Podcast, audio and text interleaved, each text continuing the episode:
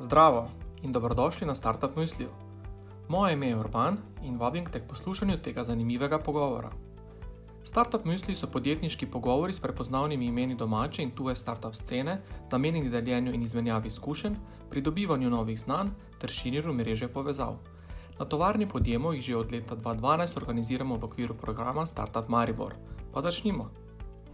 Z akademskih sedem uh, začenjamo današnji, današnji misli. Um, poimenovali smo ga Recept za zmago, obvladaj strah in sprejmi, sprejmi poraze. Uh, z nami je Jose Antonijo Morales, uh, s katerim se poznamo že kar uh, nekaj časa. Koliko let bom uh, namerno zamolčal, da, ne bote, da se ne bom razkril, koliko sem star ali Jose. Um, za vse, ki nas ne, torej, uh, nas ne poznate, torej tovarna podjetniš. Uh, torej misli organizira tovarno podjemov, um, ki v Mariboru in na Mariborski univerzi skrbi za podporo inovativnim podjetniškim idejam.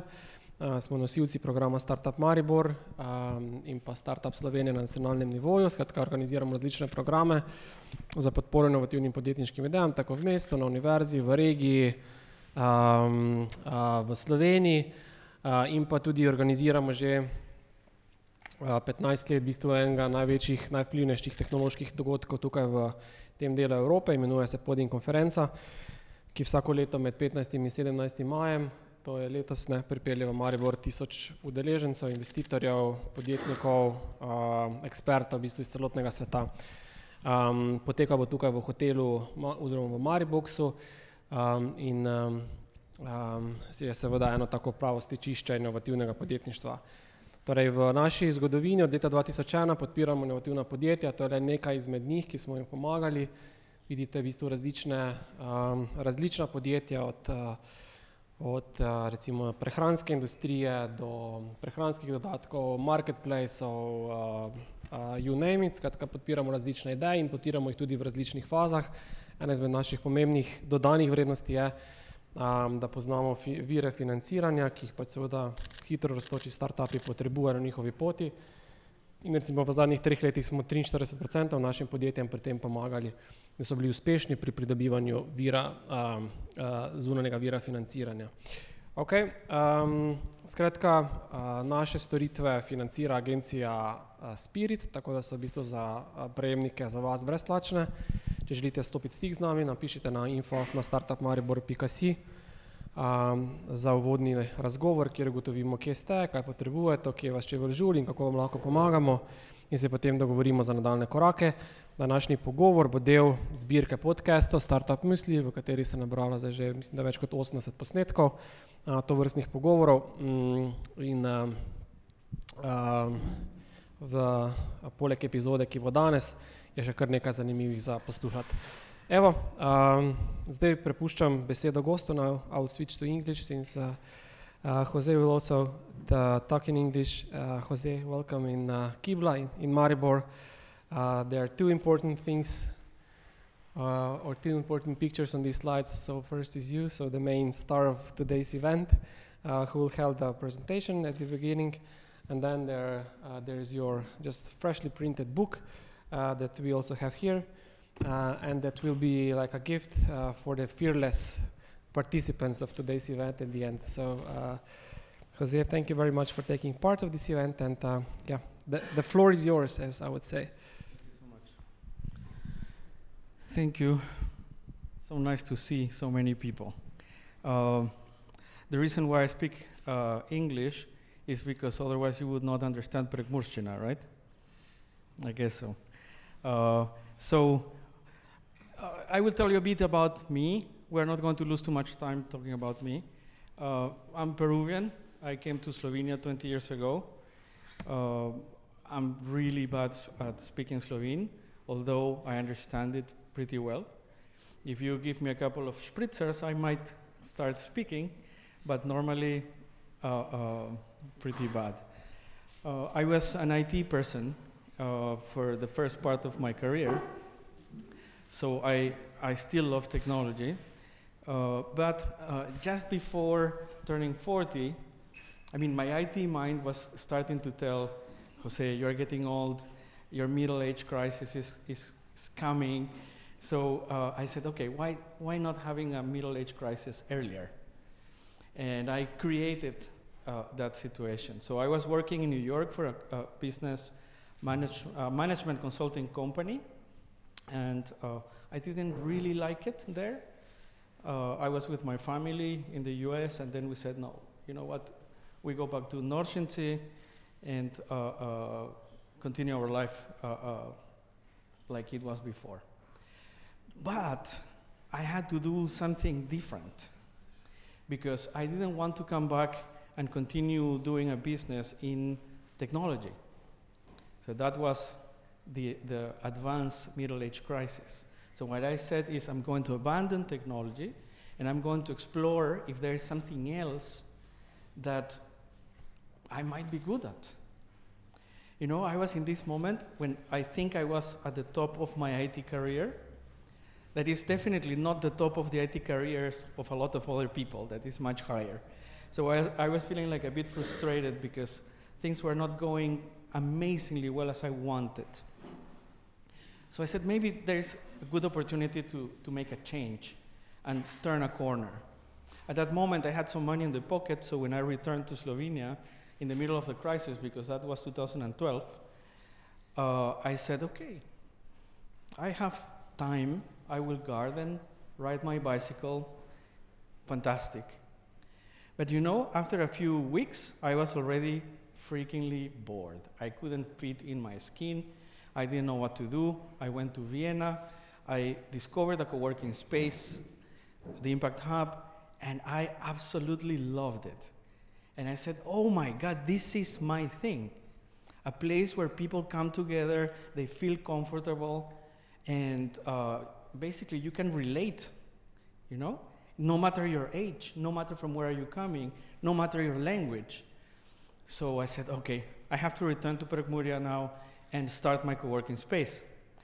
So I did, but before doing that, everybody told me, Jose, please don't do stupid shit. This is the, this, a disaster of idea. You're going to lose all your money. And, uh, and they were right, but partially right. The thing is that the co-working space is, is eight years now. It's probably one of the oldest co-working space in Slovenia, and is thriving. Actually, there's one member of the co-working space there taking a photo of me. Hi. And uh, so, wow, that was already kind of a discovery, okay? But in that process, something else happened. And it was that uh, someone made a question that made me really almost freak out. Is it possible that we cannot learn from our failures? Is it possible that we cannot learn from our failures? We have been educated thinking that we learn from our failures, right? I will not tell you anything else. Okay because I will tell it to you later on. So, please take your phone, go to slido.com to that code, and we have a first question because I want to get to know you a bit better. I'll give you a couple of minutes to answer. What's the first question? Uh, tell me a bit about you. You see it? So you have to scroll a bit because there are multiple options, right? You can select all the options that you want. And because I made the amazing feat of forgetting my notebook, I cannot show you the results, but I'm going to tell them to you, okay? So, so far, 21 persons 23 persons responded. The majority of you are students, and, uh, and a big majority of you are trying to find what you want to do. That's important. Uh, there's another significant group that is telling that you work for a big company, and uh, only 7% of you are working for a startup.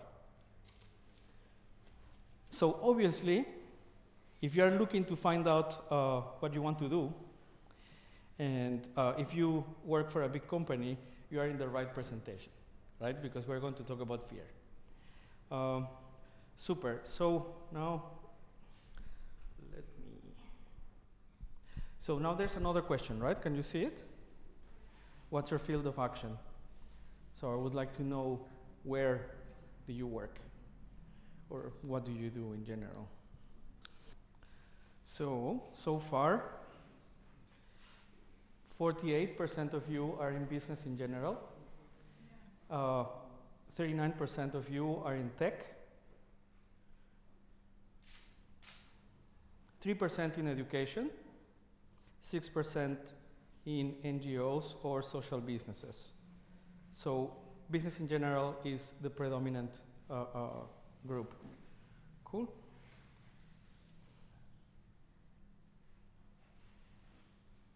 So now I just want to get to know your concept of fear, okay?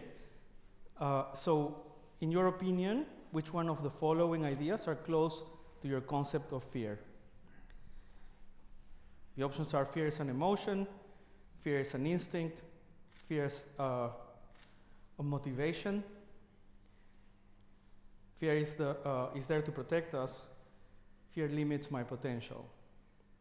So far, the results are cool because 43% uh, of you, and increasing, is telling that fear limits your potential.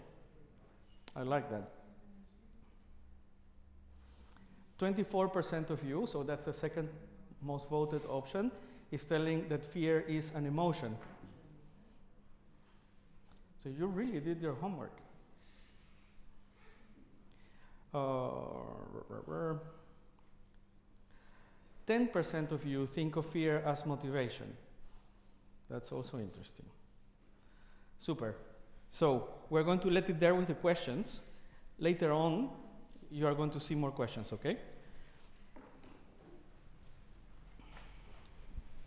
So this is a story that I wrote today thinking on you. So on how I was going to introduce myself. And it is connected with the topic of fear and you are going to understand a bit more. So basically, I thought that I was a born made entrepreneur. But then I discovered that I was not a born made entrepreneur. But I felt like I had to push myself into entrepreneurship because I had to prove myself. I wanted to be as I am, but what I heard from around me is that's not good. Who you are is not good. And, and that one was my father, and my father was an amazing person, really good, a, love, a loving uh, father, but he didn't know that through his uh, uh, advice and um, support, even, he was making me feel like I wasn't the right kind of person to succeed in life. So I became entrepreneurial because I said, No, Father, I want to be as I am. And that's a very important thing because, at least in my life, I found that the spirit of entrepreneurship is standing up against what the majority is telling you that is normal. And then you see, at least in my life, this is repeating constantly, right? Everybody told me, do not make a co working space. I did it. So it looks like it's a pattern. I'm always doing things that I like that the majority tells me not to do. But that puts me in a, in a position that is complicated, right? Because if you don't fit in what the rest of the, I mean, the market tells you you should be doing, then you have to pay the consequences, right? So that's, that's an interesting thing. And as you can imagine, the option of being yourself is full of fear. In, and entrepreneurship, as I understand it, actually is a kick in your butt that tells you, face your fears. Now, wait a second. The majority of you are working for companies. And when I'm telling entrepreneurship, I don't mean only the idea of being an independent professional. Okay, to me, entrepreneurship is precisely standing up for yourself, doing the things that you want to do in the best way that you can at that level, at the level that you are, right? Because that is exposing you constantly to facing your fears, to challenge them, and grow. So I think that entrepreneurship, more than a business practice, is kind of a personal development tactic. At the beginning of entrepreneurship, everything seems like that, right? It's like, um, where is the money? Uh, and so it, it's, it's very superficial. And please do not misunderstand me. I'm not saying that this is wrong. I'm just saying that that's one level. And what, what I w- would like to present to you is the idea that we can think in multiple levels. Okay? So, afterwards, everything starts becoming more on purpose. So, you start your company, maybe it starts working, or you start an initiative and it starts working or you start a project and it starts working. But then you start asking yourself, yeah, but is that aligned with my purpose? So that was my 39th birthday, right? Is this what I really want to do? What's my purpose? So that's another layer. But then, after you find your purpose, or at least you get closer to your purpose, you start saying, yeah, but I need to enjoy. I'm working too hard. I want to enjoy my life more. Right? So, uh, when, when I'm telling you about these uh, different levels, is a different way of thinking. So when you analyze how are you doing your entrepreneurial activities, if you start checking in which level you are, you are going to start saying, yeah, but I could be in the other two levels as well. Because you could be on purpose, you could find joy, and you can think about money at the same time. The problem is that in the majority of the cases that I see, our own fears are keeping us from thinking in these multiple layers, and we start defending our position. No, entrepreneurship is only about money. I have to make the money, I have to get the investor, and that's it. So I would like to challenge that idea. So we have again another question.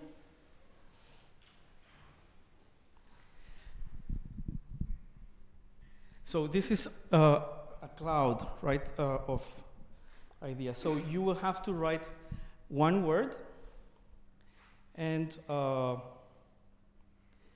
you can you can write it multiple times. So different words multiple times.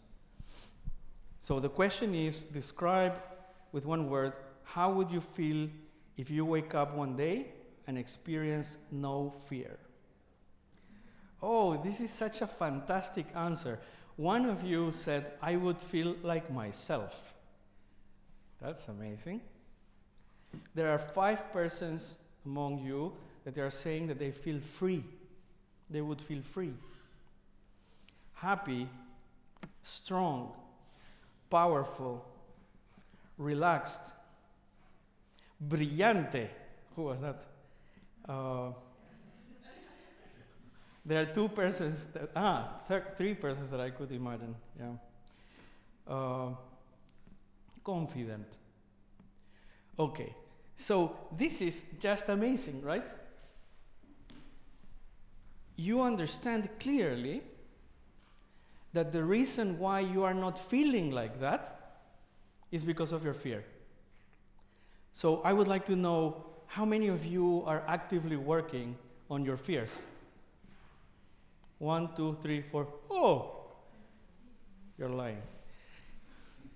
Okay, so it's like it's like the half of you are actively working on your fears. That's fantastic. Congratulations. So let me introduce you to my theory of fear, okay? Because it is not the traditional one. It's not the one that you find in books of psychology. And actually, if you go to read books of psychology about fear, you are going to find out that there is a complete uh, mix up on the concept of fear. Some people think that it's an instinct, some people think that it's an emotion, uh, and it's really, really hard to define.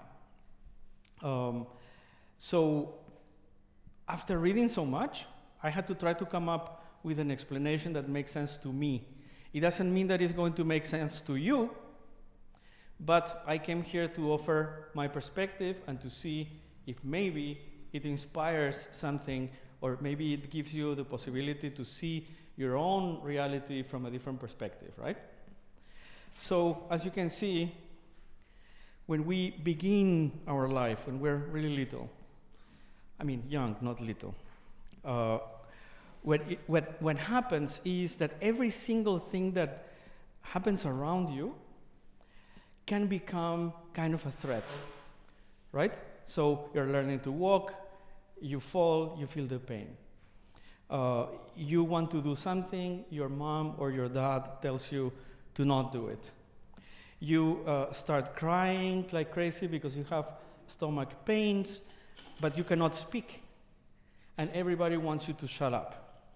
Everybody gets nervous with you crying like a crazy. Right? So we start receiving from the beginning a lot of signals of what is wrong. Right? We start trying to avoid making mistakes because we believe that living in uh, a community means uh, complying, right? Not, not, to not become kind of a problem. We start making mistakes, and those mistakes are producing something in our head. It's a question, you know, how can I avoid it? I don't want to experience the pain that comes after so your mind starts creating some patterns, okay, of behavior. I will tell you a silly example. When I was a, around six years old, uh, I loved going to birthday parties. And the reason why is because in Peru, those birthday uh, parties have always a table full of sandwiches. And to me, the sandwiches that they were serving in the birthdays were the best thing on the planet. So I was not going because of my friend having a birthday or, or because of playing, I was going because of the food. So it happened that, ah, and something else is that you don't eat any sandwich until the moment that everybody sings happy birthday. Okay? So you can imagine, I arrive to the place, I already know where the table is, I already pick and see that there are a lot of sandwiches, and I want to eat them. My mom knows me well. So as soon as I was getting close to the table, my mom was boop, making like that on my hand. Jose, it's not the time to eat the sandwiches. Go to play with your cousins or your friends. Okay. So, you know, such a stupid thing.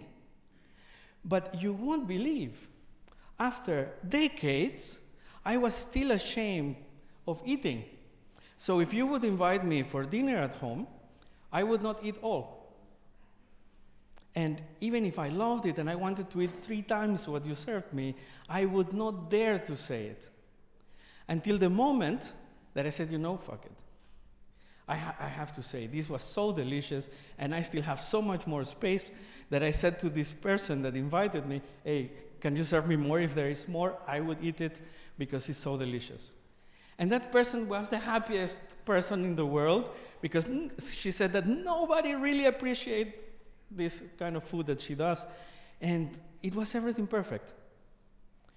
At that moment, I learned that those kind of fears, those kind of patterns that started very long time ago, transform somehow into something else that we believe is our personality. So we believe we are like that. I didn't feel the pain of being like that. I thought that was being well educated or something. Right? So, how many pa- uh, patterns do we have in our personality that are made decades ago and designed to protect you from something that doesn't exist anymore? So that, that was important to me. So after a while, um, just imagine that these patterns are like a brick. You're building a protection system around you, right? You have like a castle of stones around you. And then you arrive, arrive at a time in your life where you feel like you cannot move. You're surprised. Oh my God, I'm stuck. And you don't know why. Because you, you cannot see that you are inside of a tower that you built by yourself. You cannot see it because you believe that that tower is you. You believe that's me. So I'm the person that doesn't like dogs. I'm the person that doesn't eat this. I don't want, I don't like the parties. Or I like the parties, but I don't like the, I don't know, whatever it is that you define as yourself. But you responded very well. You said that if you wake up and you have no fear, you will feel empowered. You will feel as yourself. So you already recognize that being yourself is being away from these patterns of fear. That's awesome. So basically, fear is like wearing sunglasses that are very old and scratched, that warp your vision and your perception, but you get used to them. So used that you don't even know that you have them on. You know, it's automatic. Uh, many people talks about being in autopilot, right? So that's, that's, that's the thing. You don't even feel the fear because you don't know you have it. It's repressed, it's built as part of who you think you are. Uh, but then there's a moment when that fear pattern breaks, when you find out this is not working. This is not protecting me from anything. Actually, as you well said before, this is limiting me. This pattern is limiting me. So obviously, it's not worth having it. And then it begins a process that I call deconstructing fear. So you can wait until you get to my age, so to your 50th birthday, and uh, start finding it out by yourself. Or you can start now to be conscious that you can deconstruct your fears consciously. So, not waiting for the situation to happen, you can do it, right? From, the, uh, from right now. And as you can see, this guy smiling, right? Because now it finds, or he finds, or she finds more space where to move. Right? So that's the idea. That's why you believe that if you wake up without fear, you're going to be free. Because at the other side of fear is freedom. When we talk about freedom, we think doing whatever I want. No. Freedom is about not having fear to do whatever you want. That's my perspective. Uh, okay. Shall we go again? So, complete, uh, complete the sentence with any of the following options. So, I experience fear when I, so far, 22% when you can't be as you are, 4% when you don't feel accepted, and 4% when you cannot express yourself. So uh, basically, when the, the biggest answer is uh, can't be as I am. I experience fear when I can't be as I am. Thank you. So, this is what I was telling before, right? So, if you think about it, every single thing that you do in your life, your entrepreneurial career, your startup, your initiatives, your work, calling your neighbor, whatever you are trying to do with your life is about recognizing who you are. Right? It's about expressing yourself. But if everything around you is producing fear or limitation, you cannot express yourself. You're afraid of expressing yourself. I know a couple of persons, for example, that are amazing artists, but they do not work in their art because they are afraid that their art is not going to be enough accepted so that they are not going to get enough of an income. And then they sacrifice their art for complying with everything else. So basically, what your answer is very clear. Not being capable of expressing who you are is an explanation of the biggest fears that you have. And that happens everywhere. So, so that's, that's the same result for everybody else. So that freedom that you experience, you have no fear, or less fear at least, feels like love. Right? So I know that I'm going too much into the emotions maybe, but I think that this is important because you have experienced that freedom and that sense of love. For example, when you are working at something that you love, when you are in, in, the, in the flow, right? You are feeling charged, in love with what you are doing, and capable of smiling to everybody that crosses around you. That's, that's the thing. That's fearlessness. So, fearlessness as an idea is an impossibility because I think that we have so many fears uh, that we have a lifetime to get rid of them, right? But basically, we can arrive to moments when we have less fear, and uh, it feels like that. And then something else happens, and that goes again to entrepreneurship, at least the entrepreneurship as I understand it. Once you are capable of being of expressing who you are how you are you start finding out that the people that is around you feels that you are being very authentic that this person is as she is okay and what happens then is that they get inspired because they said jesus if jose can be as he is why i can't I'm, for example so the act of getting closer to who you are without your fears, right? Inspires other people to do the same thing. And I think that that's the beginning. I mean, I'm, I'm really a dreamer. And I really think that if we all go fearless, at least in the path of fearless, we automatically create a better world. But then tomorrow we wake up full of fears we have to go to our job and to do all our things, and we repeat the same cycle of the previous days. But if the possibility would exist, you know, it is easy then to inspire others.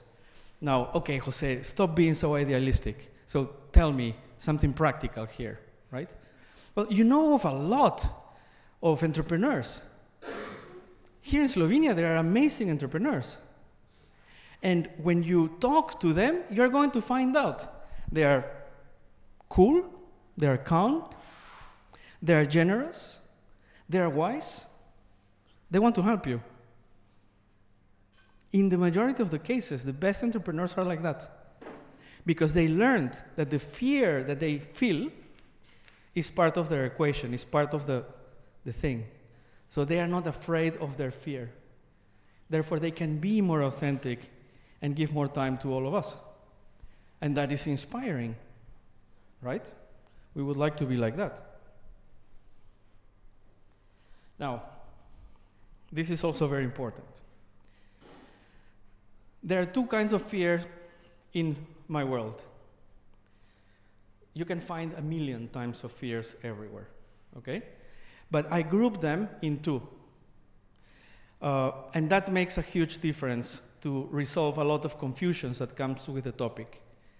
So One is instinctual fear.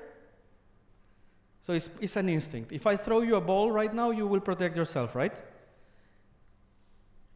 If you perceive it, you will defend yourself. It's automatic, and that fear is trying to protect your body, your life, your integrity, your physical integrity. Okay, so I'm not talking about that one, okay? So if I say, let's go fearless tomorrow, that doesn't mean that we're crossing the highway uh, uh, uh, and letting the, the cars kill us because we're not afraid. No, no, no, no. That's the instinctual fear, we let it there. The fears that we are talking about, this deconstructing fear theory, is about the second kind of fear that is psychological fear. So those are patterns that we create through our experience of life. Okay, every single time. FOMO, for example, fear of missing out, right? So you get this email, this is your last chance to get 50% discount near New York Times. Maybe you buy it. You know? They are using fear to activate you, to make you react. And that is happening in every single thing that you see around you. But as soon as you realize, oh, this is a tactic that is calling to my own fears, then you don't buy it anymore. Your uh, bullshit antenna grows and you can detect it easily and you don't fall in the game. so, two kind of fears, right? So don't confuse them. Two more things. I have an argument about this fear motivates me. How many of you perform better under pressure? A lot, right? Me too. But is that making you feel better or tense? Tense, right? So I com- I'm completely sure that if I put an atomic bomb here with one minute timer, and I say to you that I'm the only one that is going to stop it, you know, if you do something, you are probably going to do it. It doesn't feel good. So try to find what is the fear that you have there so that you don't fall on the trick anymore because you are being manipulated by yourself. I am being manipulated by myself. When I'm close to the deadline, I always finish doing my work. Okay? But that's not nice. That's the way we have to get fully tense and uh, uh, stressed out. Then we're complaining, right?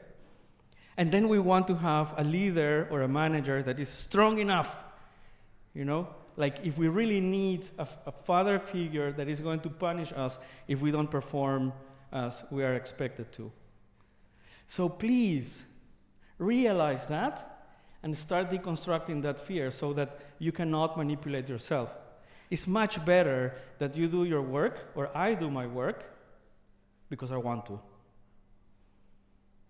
You know? Bec- and, and then I don't feel bad about it. I don't have any tension anymore. Um, if I'm not wrong, it's like 60% of entrepreneurs in the world already burnt out at least once. 60%.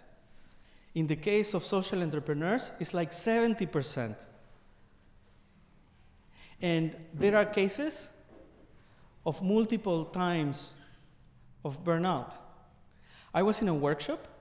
They made us uh, a kind of a survey. And uh, okay, we just responded. We didn't know that it was about burnout or anything. And my results came, and I burned out like three times. And I wasn't even aware. So, what is burn- burnout? It's connected with a topic of fear, but I wanted to present it to you because I think this is so important uh, uh, to pay attention to. So, burnout happens when we are spending too much mental energy into whatever it is, okay? So, this tension that we were talking just before is part of it. Is mental, intellectual energy being spent like crazy. Your, your bank account of energy is going in minus for a long time. And uh, because we are afraid of losing the job, because we are afraid of not being accepted, because all the fears that we mentioned before, we keep doing stuff keep the status quo that might be at least acceptable in comparison with anything else new. Like they fire me from the job, I better get my income. But that's a faulty way of thinking because it's actually harming your health. So um, there's a whole topic of how to handle your energy that I would love to talk about with you, but today is not the day. But anytime, if any one of you want to talk about it, just let me know so I, I can explain. So let me refresh the question that I made at the beginning, right? Do we learn from failure? So far, 95% of you say yes. 93% of you say yes. Okay. So you explain me. If we learn from failure, how come that we still have corruption? How come that there are still countries that are poor? How come that we still have wars? How come that we, okay, right? So you know all the problems. And we can talk about macro problems or micro problems. How come that if we learn from failure, we're still failing? Can someone say something about it? Okay. we are not aware of? It, it, that can also be, sure. And, and, and then you ask, then I ask, why are we, aren't we aware that that's a failure? Right? Someone else? Okay, excellent. So, please. We are, that's a perfect answer as well. So we are waiting for external motivation. We all learn, everybody learns in a different way, etc., uh, etc. Et I have a different answer. I'm not saying that my answer is the right one, okay? But it's an answer. So I think that we don't learn enough from failures because what we are trying to do when we fail is to find a, a reason a circumstance, an external factor that caused the failure.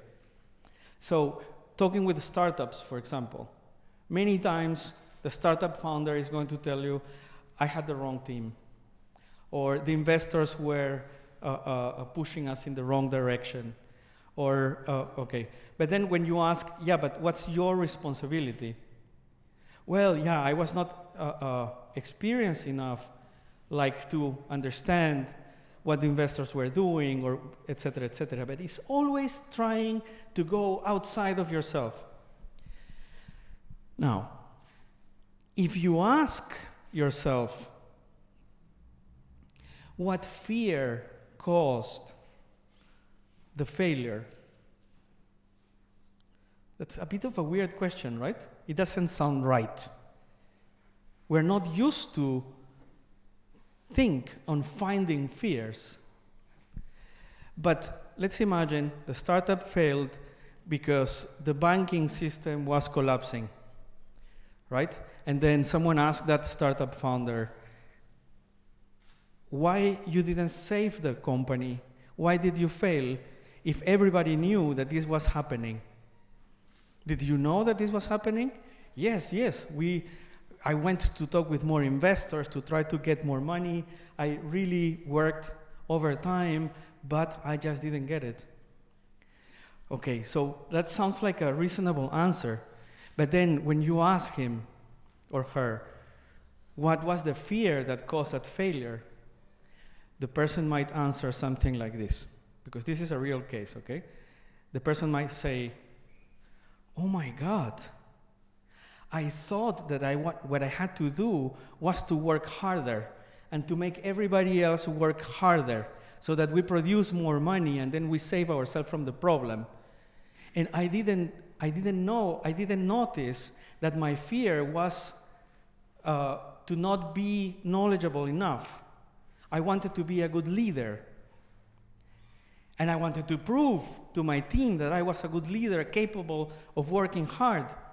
When what I had to do is to ask for help. Okay? Why didn't you? Why didn't you ask for help? There's the fear. There is the fear.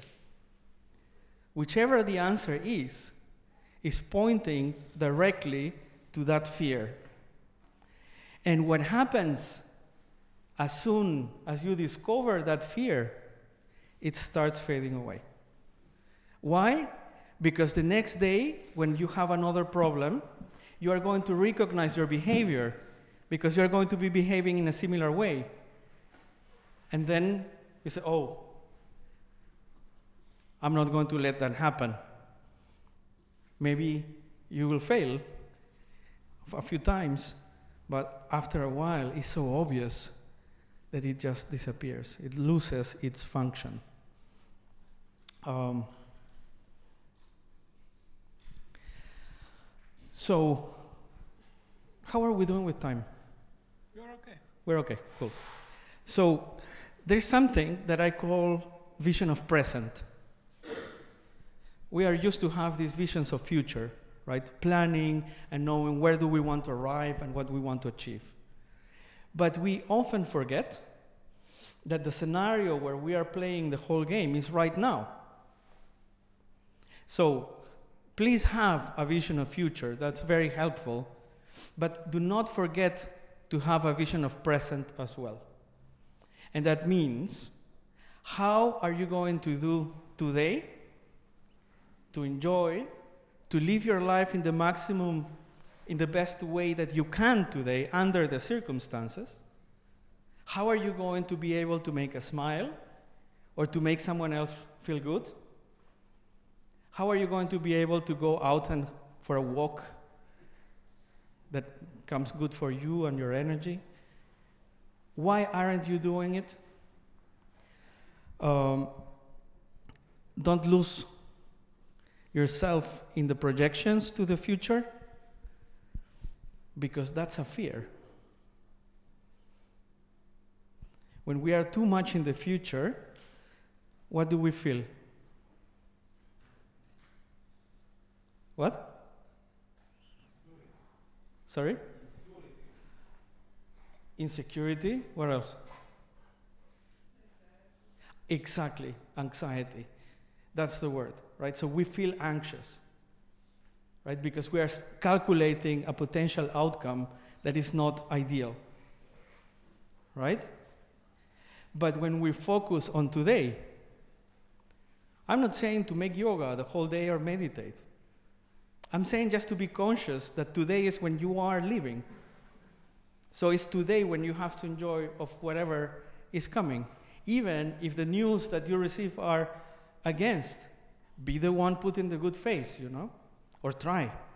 Or ask for help. Or say, I'm feeling bad. And you will see that someone will come to support you. Right? So do not forget that because escaping to the future is a fear of right now. And that fear of right now is crazy because then what you are going to be doing is distracting yourself, so Netflix or uh, whatever else that puts you outside of what is happening right now. And that's not healthy. That produces burnout. That's intellectual. Too much intellectual energy uh, being spent. So, vision of present, don't forget. Okay. Now, we were talking, or I was talking like a crazy, about uh, you, right? About me, about your personality, right? But a lot of you work for big companies, so you have to be aware that in the same way that we build uh, uh, uh, patterns of fear as part of our personality, we do exactly the same in our organizational organizations. We call it organizational culture. I'm not saying that organizational culture is about only fear, not at all. But the culture of the organization embeds some fears inside of it. I remember, long time ago, in Peru, I was going to the office of IBM. I was an IT guy, right? Oh my God, it was scary because everybody was so formal, everybody was so smart, everybody was so arrogant that there was no space for me. I felt like this is not my place, right? But then, when I went to Microsoft at that time, I felt amazing. The people were dressed like normal people. Everybody would give you a welcome. Everybody would ask you if you're a, partner or what are you doing here. You feel great. I could feel like I can do something here. And indeed, I did. I worked with Microsoft in Peru and in Slovenia with amazing results because that culture was supporting a bit of weird people. They were okay with the weirdness of some of us. But the guys of IBM were not. They were safeguarding a culture of being super smart. That was, I'm telling you, what, 25 years ago. I don't know how it is today. So, if you're a startup founder, if you want to start your own business, if you work for a company, please be aware of that. I'm a, uh, I, I would love that companies start hiring people that are culture designers. You know? So, persons that are going to sit down there to observe how the culture affects the way the teams make decisions. You know? That, that, that would be so amazing. Because as soon as you find that there are limitations in the, embedded in the culture, well, you are going to make it more, uh, I mean, you are going to make the company more innovative. So, in one word, uh, but you can write multiple times, which are the conditions for innovation? Judgment free, being yourself, freedom to have a safe space, crazy, inner peace, culture, safety, acceptance, safe environment,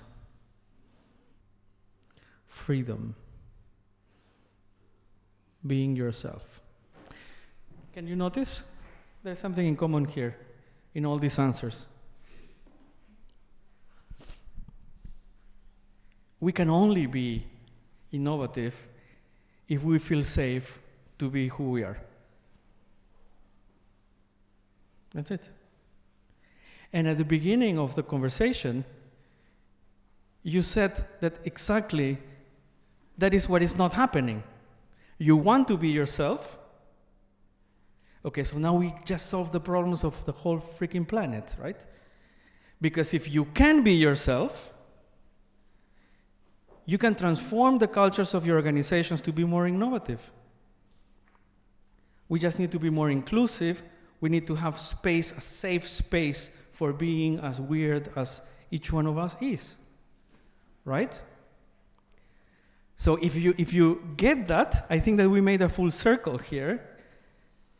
You can make a change in your life and your organization today. Because that's the only thing that matters. If you are fearless or go into fearlessness, you are going to be much more innovative.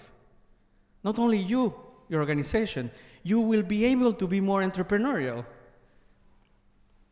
And you will be deconstructing fears constantly.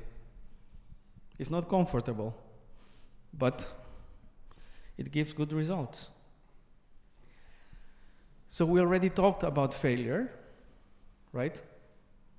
Failure is whatever that happens that is not what we wanted. So, failing a business, failing a relationship, not calling my friend, I forgot to get lunch. It doesn't matter where it is. I didn't make that telephone call. I didn't return the telephone call. You can think of failure as anything that you didn't do that you had to or you wanted to. You didn't go to walk with your dog tonight. Okay, that's a failure. But then always, if you want to learn from your failures, not only the circumstances around the failure, ask yourself what is the fear? Why didn't I choose to do it? I know that this is very heavy and philosophical. Maybe for the going out with the dog, forget about that one. But there are other kind of failures that might be more important. And if you ask and you write your answers, you are always going to find something interesting. And believe me, you are not going to stop in, uh, uh, uh, or step on the same uh, stone again. It will not. The next time that you fuck up, it's going to be a bit different. So I'm not telling you, I mean, the warranty is that you are going to continue failing. That's guaranteed. But you are not going to be failing at the same things. How cool that would be, right? I fail at the same things all the time. And then when you fail and you say it, this is how I screw it up, right? Everybody will connect with you. Because the vulnerability of saying how you screw it, screw, screw it up is going to wake up an instinct that is called empathy. And empathy is what connects people. You won't believe what happens because you're going to find out that the people suddenly wants to help you compulsively. In, impossible to see another scenario.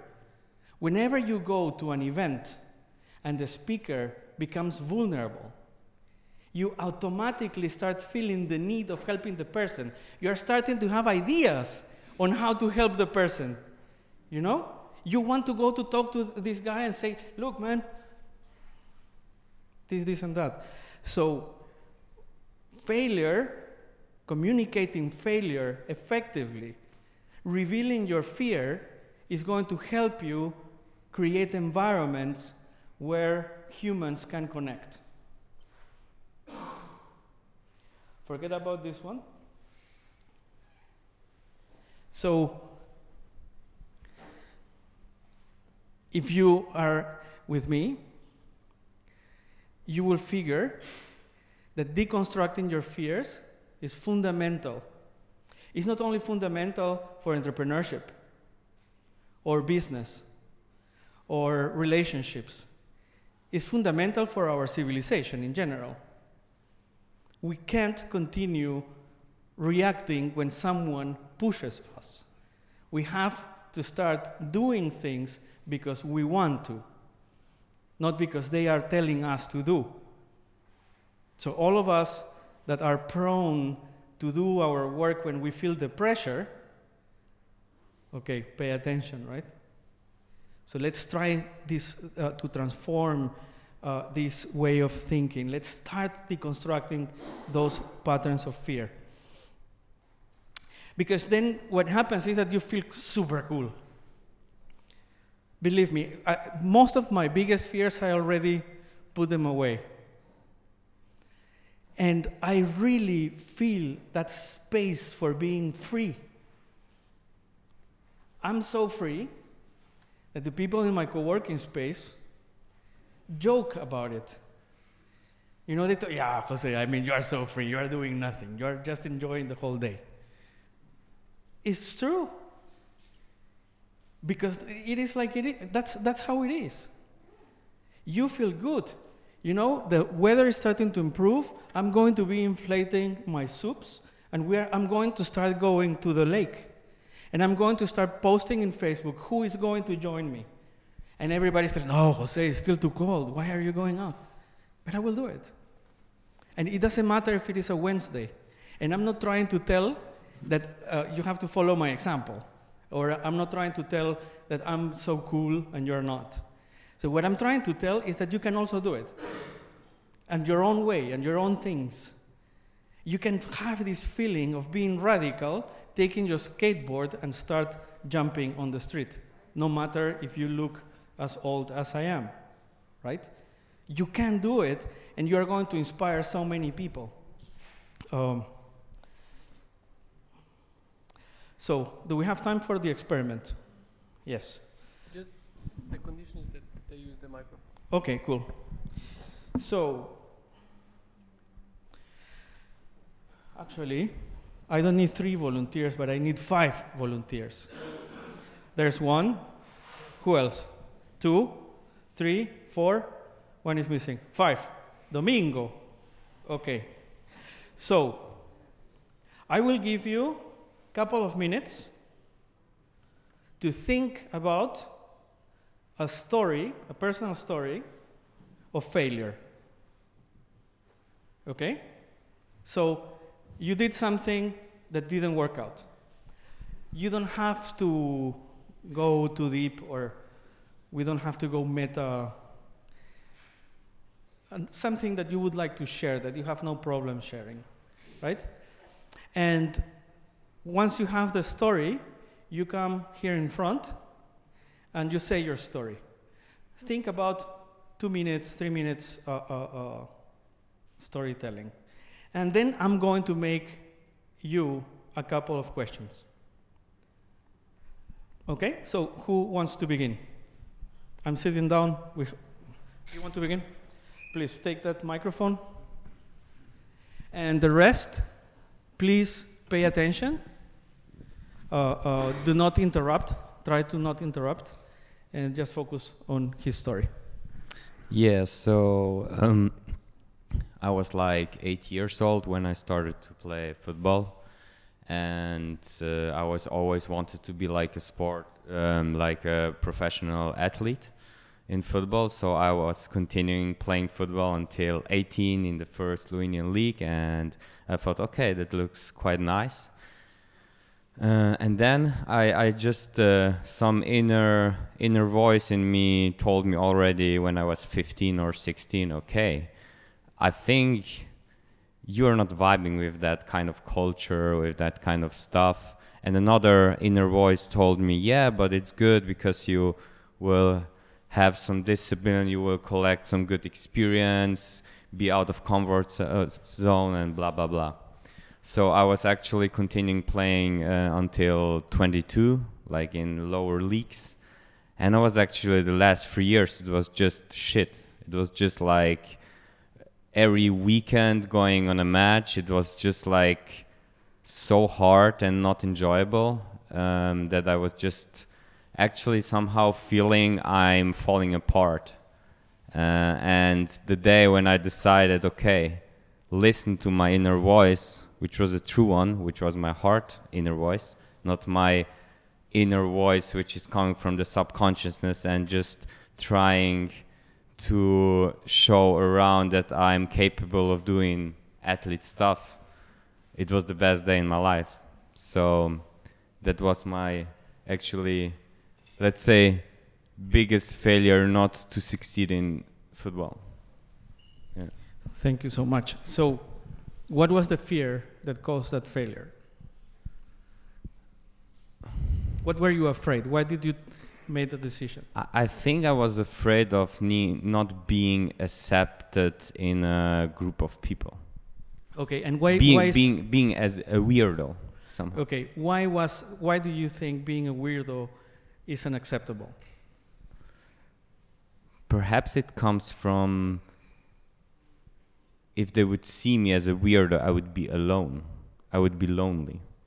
Okay, so then we call it fear of loneliness. Yeah, Okay? yeah. So, yeah, that's exactly the process. Okay, so thank you so much. Who is the next one?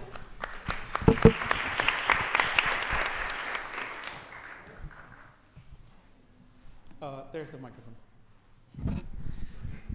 So uh, I didn't need to think hard about my uh, story uh, because it's, uh, I, I guess, still going on. But now at least I have some sense of, of how to solve it. But so my my failure is that I am afraid of writing, afraid of expressing.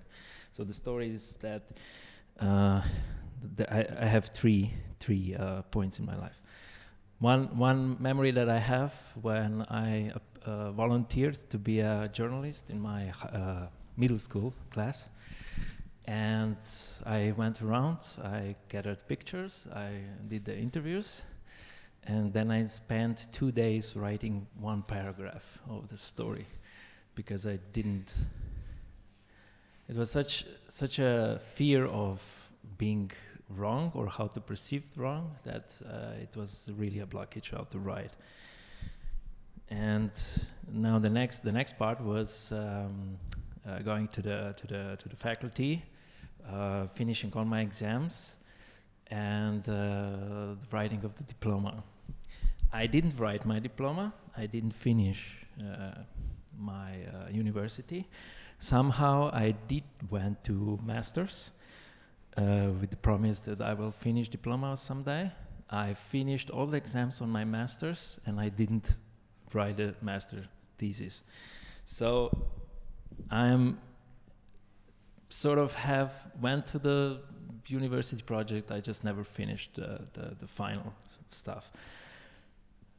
I I have no uh, I have no shortage of themes. I have no shortage of, of I can I can talk to you about the topics. I just can't write it down, um, or at least I can, but it, it takes a lot of anxiety. And for some reason, and that kind of recently really helped me with the new AI stuff, because now I can just talk to my computer and he can write my thesis for me.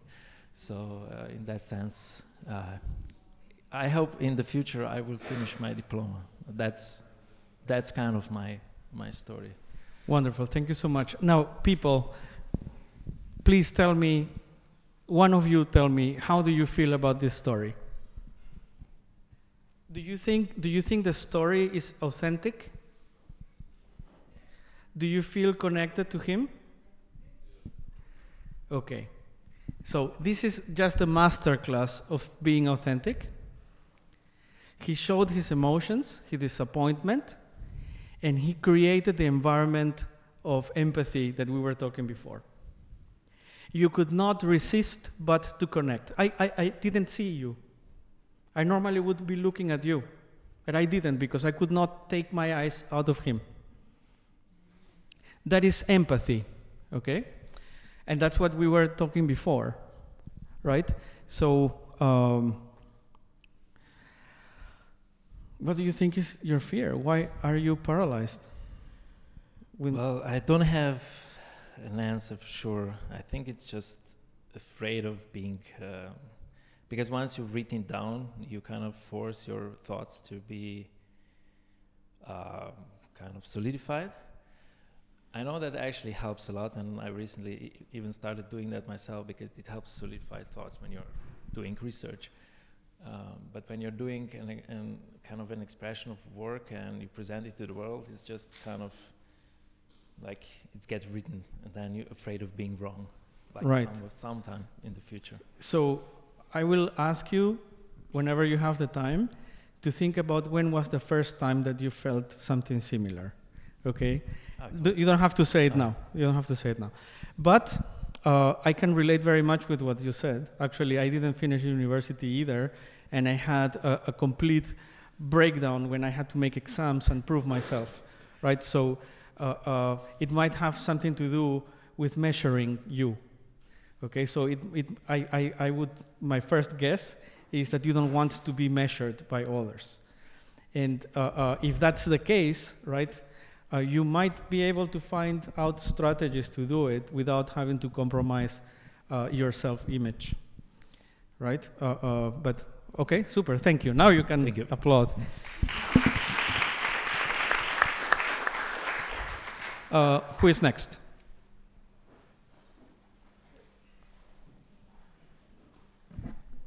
So, hello everybody.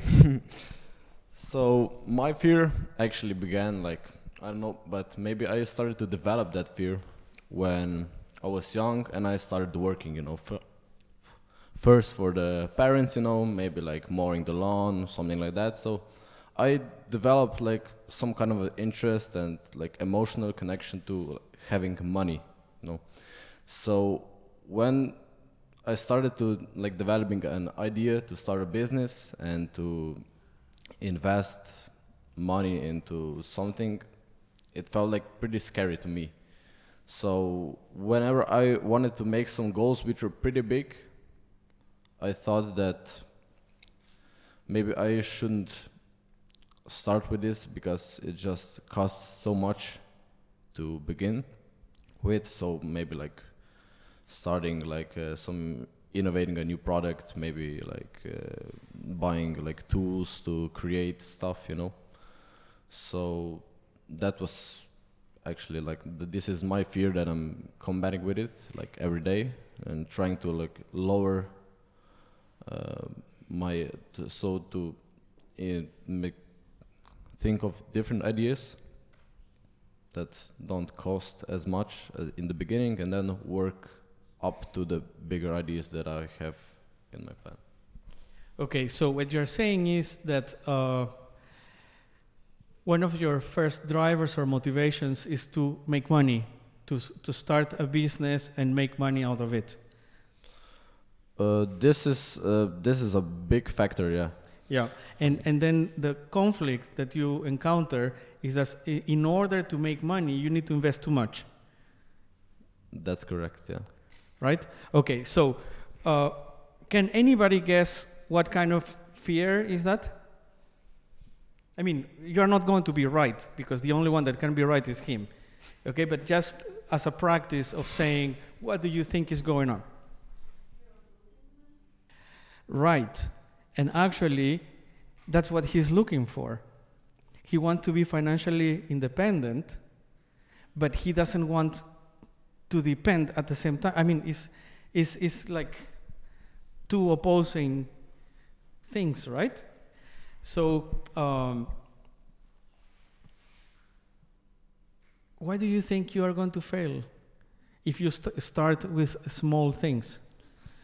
I think that it's not the, the failure, but if you like, if if if you go on with a project and you work, work, work, but then like you just you just think that it's not gonna work suddenly, you know. So actually, it's like losing mo- motivation, I think, or something like that. So this is why, uh, like, I stopped with that idea and moved to another. Do you work alone? Yeah. Okay. So I would definitely recommend you to start thinking on working with groups. Right? Because actually you're probably victimizing yourself out of your own fears and, uh, uh, or your own self limitations and your own conflicts. But the, the fact that you decided to do your stuff, that's the only thing that matters because that's actually the beginning of the path of an entrepreneur right? And if you live here in Maribor and around, well, you have uh, uh, uh, the guys from uh, um, how is factory? Podjemov, the factory of business. Yes, venture factory. Go to talk with them because they have a lot of people that can support you, and you can find uh, co-founders. You can find uh, people that can advise you. So be specific in, i with your needs and what you want to do, and don't be afraid to share your ideas. That's what I would say. Thanks. Thank you so much. Uh, one person more is missing, if I'm not wrong. Please. Uh, Domingo, I'm sorry. But he's, no, just come. Um, so my name is Nico, still a student doing my master's, and my story is still reoccurring. I wouldn't say it's a fear, but fear is one of the emotions. So essentially, it's fear of expecting failure, failure, and going through the same process of suffering. I call it suffering, and the best practical example would be we have an assignment. It doesn't have to be an assignment. It could be some something that I have never experienced before. For example, job application, and essentially I would needlessly fill myself with fear. It doesn't benefit me. And if it's something recurring, like another exam after another exam, and I am the one who creates the importance of the exam, could be the same for tasks in some job that I'm working, that I have been working. And at some point, it would come to an over, um, to a burnout actually and it would be in a shape usually over a high fever, swollen tooth, eye infection, ear infection that I had recently, to the point where right now even the sim- something that could take three hours to finish, I would needlessly fill myself with either anxiety, fear, stress of imagining how it would be, how it could be. And currently it's in the shape and form of a fever for some normal homework. I have experienced this before, and it doesn't have to be, let's say, a task. It can be going out, meeting new people, and if my goal is to leave a good impression, that is something that I can imagine myself failing. And because of that, I just put stress. Before it worked for some early examples in middle school, because that's how I was raised to fearing, fear, having a fear of failure, but I wouldn't call it that. It would be more fear of suffering would be more because I didn't like going through all the stress, all the anxiety through it.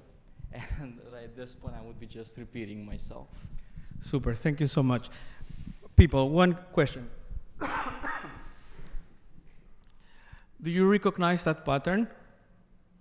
Can you say what do you think is going on? Thinking too much about the future. So, I totally agree with that. So now, uh, well, let's applaud because I will have. Thank you so much. You can take your seat. So now I, you, you, you are pushing me to explain uh, the part of burnout if we have time. So, so this is just crazy important. Uh, and, and, and this is dedicated to you, okay? Because but it's dedicated to you, but it's for everybody else and for me as well, because we all suffer from the same thing. So we have a tendency to think and project our conclusions to the future. Because we see that the things right now are not as we want to, therefore, we would like to arrive to a better situation. Okay? Now, the problem is that going there is risky because we don't know if we are going to get it. Correct? So, why to move there if actually I can fail? So, better I stay here, but then I cannot stop thinking about what if the scenario is positive? Or what if is a complete disaster? Or what if if I'm sacrificing part of my life because I okay, you get the point, right? So it is not necessarily a fear connected with what's new or, or, or fear of change, but it's an overthinking about the future, a belief that the future is where you are going to find the solution. Okay? Now, burnout, as I was explaining before, happens when we manage our energy wrong. So, what, what can we do to burn out? Overthink, have distractions constantly, turn on the TV, start playing something. Anything that is very uh, uh, uh, active on your brain, like watching a movie, playing a game. So distractions are burning mental energy. Thinking, overthinking, working, and overworking, all of these things, when it becomes a, a non-stop pattern, it burns too much energy. So what we have to be conscious is how do we do to get energy? We're spending it all thinking and distracting ourselves. How do we do to get energy? Well, number one is physical exercises and, uh, and being tired physically. You know, I have this watch to measure the quality of my sleep. When I'm in overworking uh, uh, mode, the quality of my sleep is a disaster. But when I go to work in my orchard, I sleep like a baby. So when you get, so there, there, there's a difference of being tired mentally and being tired physically. When we tire our body, we can sleep better, and that charges us with more energy. That's one. The other one is identifying what's your purpose. When you do things that are aligned with your purpose, you are going to find out that you feel good. And that feeling good is charging you with energy. For example, as you can imagine, I love talking. And talking with my friends charges me with energy. I have a friend in Prekmurje. He's a, a very lazy guy, but he's adorable. Tomasz is his name. And what happens is that when I'm feeling burned out, I ask myself, am I doing something that is aligned with my purpose? No. I'm actually doing stupid shit, watching YouTube videos, terrorizing myself about the future, etc., etc. Tomasz, let's go for Malica. Perfect. Because then I go, I start bitching to him, he doesn't care, he's just there for the Malica, right? And then we start with a conversation about something else because the balloon deflated. I'm not feeling bad anymore. I expressed myself that that's my purpose, right? So I start feeling the ball rolling. And then we start talking about what he likes to talk, that is cars. And we are talking about cars, something that I don't understand anything, but I'm also there for the Malica as well, right? So then we both feel good. And then I can go back home or to my co working, and I'm already in a better state of mind. So realizing what is your purpose is really, really important. And because we don't have time for a whole workshop on purpose, what you have to do to find it is extremely simple. Is sit down and think which are the moments in the past five years that you remember that you enjoyed. Everything is valid. Okay? And go deeper. So if your first answer is sex, yeah, you perverts. Whichever answer that you get, try to get a level deeper. Why? Why is, what is the emotion that is making me feel good in that kind of situation? Is it being with people? Is it being funny? Is it being uh, uh, philosophical? Is it leading? Is what it is, right? It's, it's, it's very simple. You're not going to find like my purpose in life is to be the number one human being. In, no, it's, it's, it's completely silly, you know. And then you are going to be able to align the way you feel when you're burning out you ask yourself, Am I doing something aligned with my purpose? No. What's my purpose? Okay, what's the minimum step that you can do to start feeling better? Do it. And you will see. Goodbye to your uh, uh, burnout. So, learn to manage to your energy. Recognize that you have mental and physical. Too much mental harms. Balance it with physical so that you are so freakingly tired that you cannot think. Right? And that's it. That's the beginning.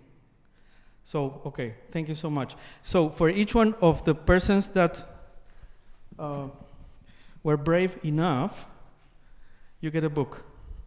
So, can you pass it to the, you keep one? okay, so, just to end up, a few ideas. Let's create spaces for people to feel safe being who they are. Which kind of magician I am? Or which kind of magicians you are, right? Because this is exactly what you said. We're 100% aligned here.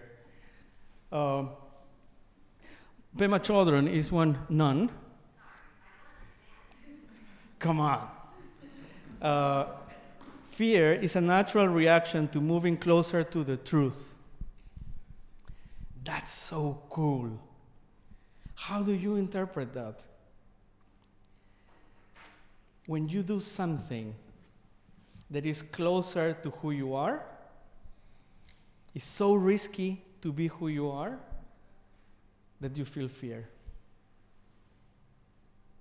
Anytime that you try to do something that is aligned with who you are, you experience fear.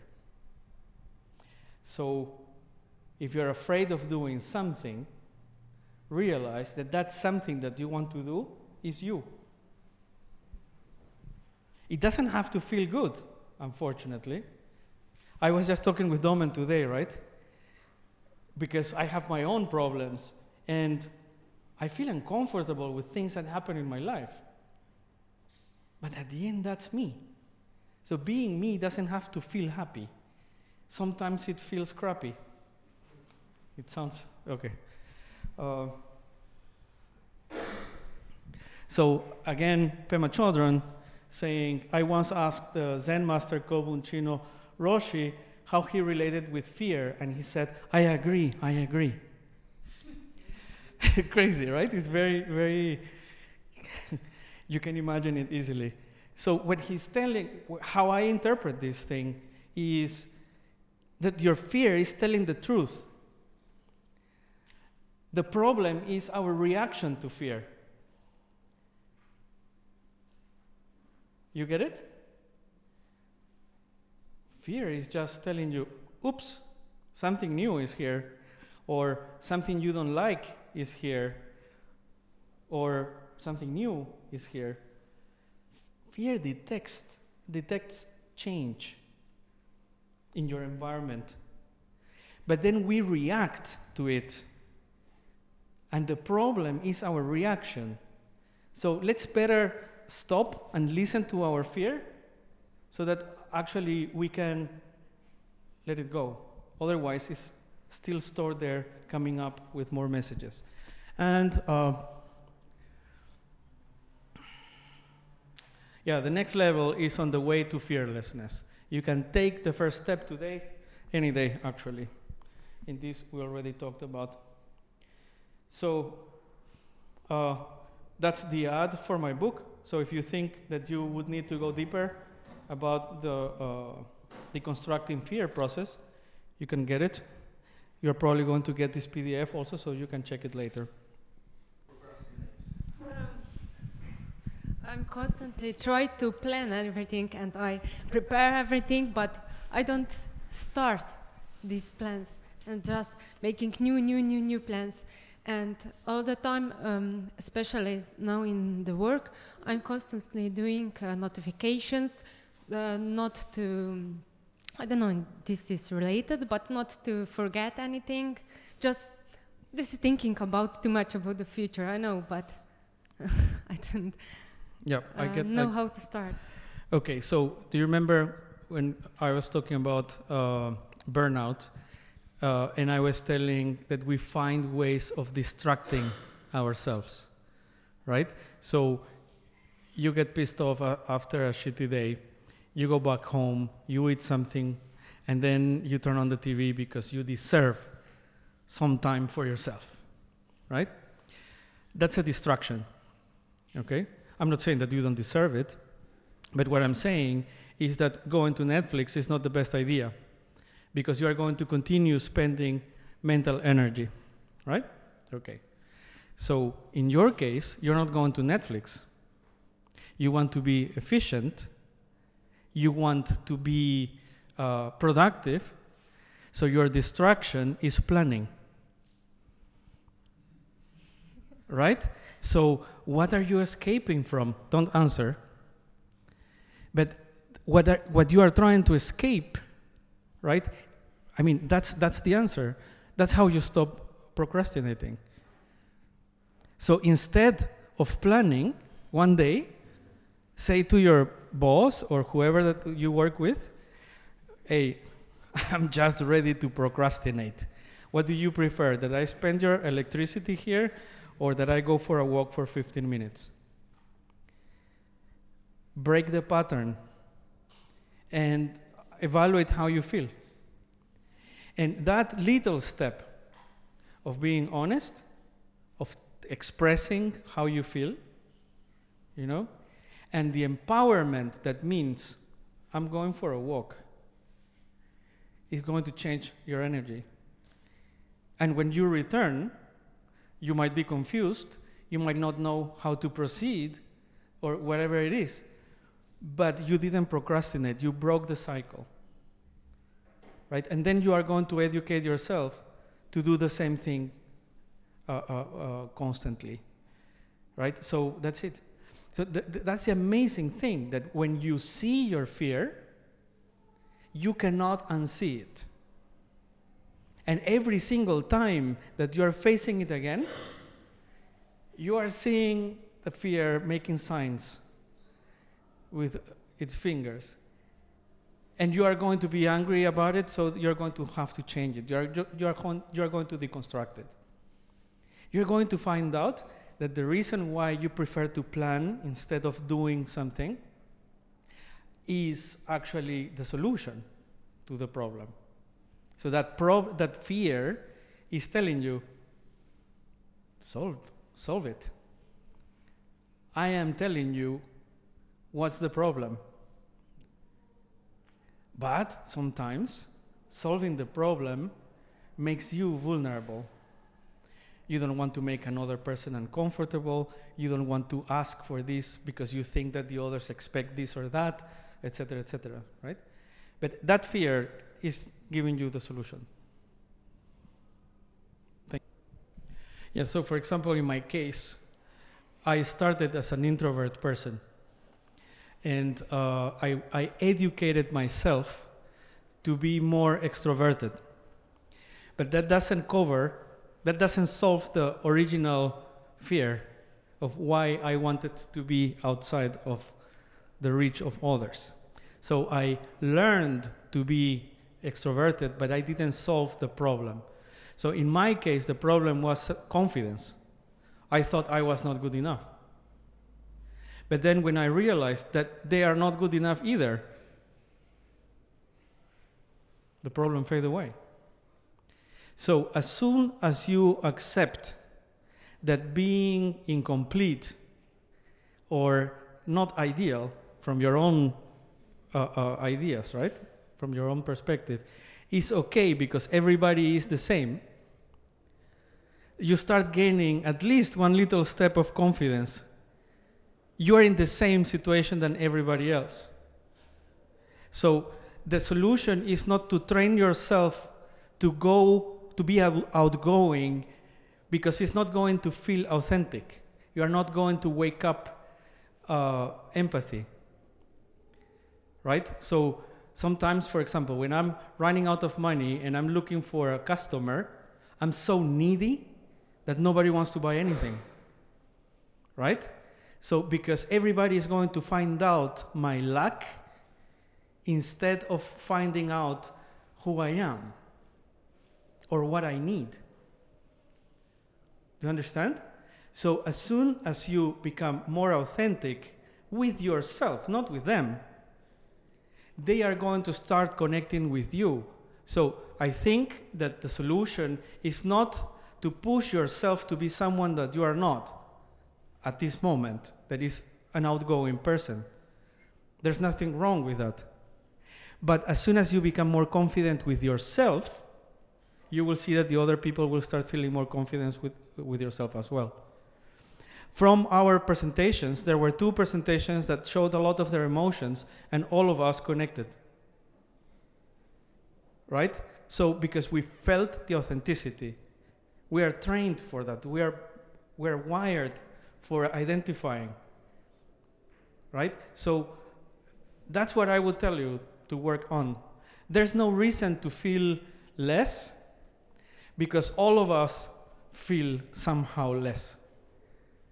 We have very high expectations about ourselves and we always would like to be better. Right? That's why I, I, I dislike the word uh, uh, improvement. I want to improve myself because improving means that there's something wrong to start with. I prefer to think about development or growth because actually there's nothing wrong with me.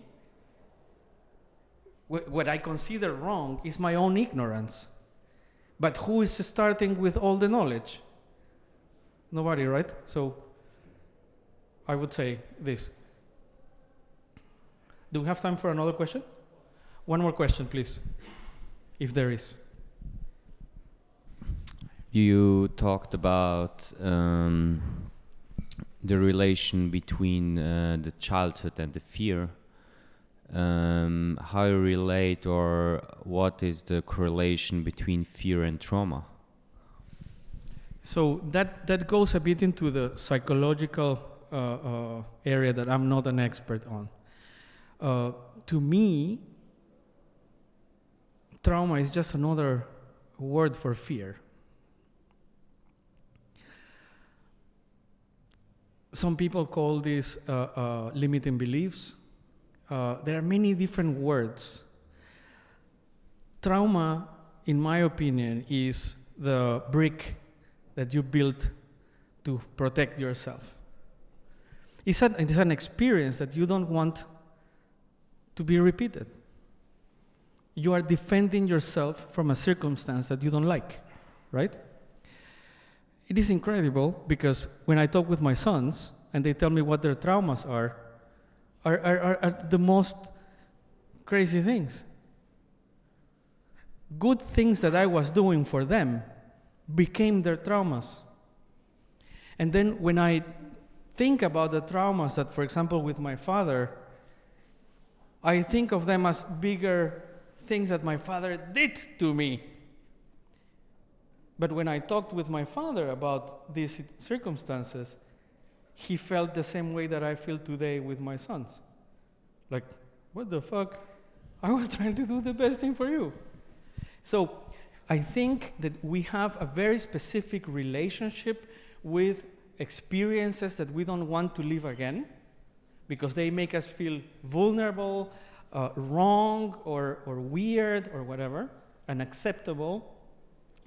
And then our mind creates, adds a lot of chili and pepper and so, and it makes a, an amazing story.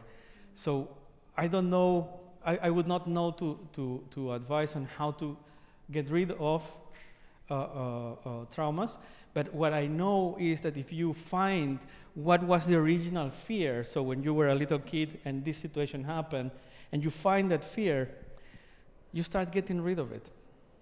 Little by little, it takes time, but. And you know what is the craziest thing? So you deconstruct, let's say, three fears, okay? You're taking note and you say, oh shit, easy peasy, now I know. Then you come to the realization why am I doing this if actually the fear patterns that I have make no sense? And suddenly you get one of these aha moments, like Oprah would say, because you, you feel like it makes no sense. There's no reason why to feel afraid, and everything disappears. So basically, the, the process of deconstructing fear is a tactic, you know, but it is not the real thing. The real thing is realizing and experiencing that the fears doesn't really exist. Are ideas that you created. It's like the banking system. It's like everything that we created that we think that are so real, right? We could call someone powerful enough to say, okay, let's close all the banks and let's become Yugoslavia, but all around the planet. No problem, we can. Right? We could. The problem is that we are not going to agree on it. Right? Okay, it's the same thing with us, right? In the moment that we agree that there's a lot of things that are inside of my head that make no sense, why do I have them? They disappear. And then it's like when, when I ask you, uh, how do you feel when you wake up and you have no fear? I feel free. Right? I don't know if I answered. Yes, thanks. Okay, th- this is it. Thank you, guys. Ti je bilo všeč? Da ne boš zamudil novih epizod, klikni subscribe. Veseli pa bomo tudi tvoje ocene, komentarja in delitve, da za nas vedo še druge radovedne glave. Pobrskaj po naši bogati zbirki pogovorov, gotovo se v njej skriva še kaj zate. Se slišimo?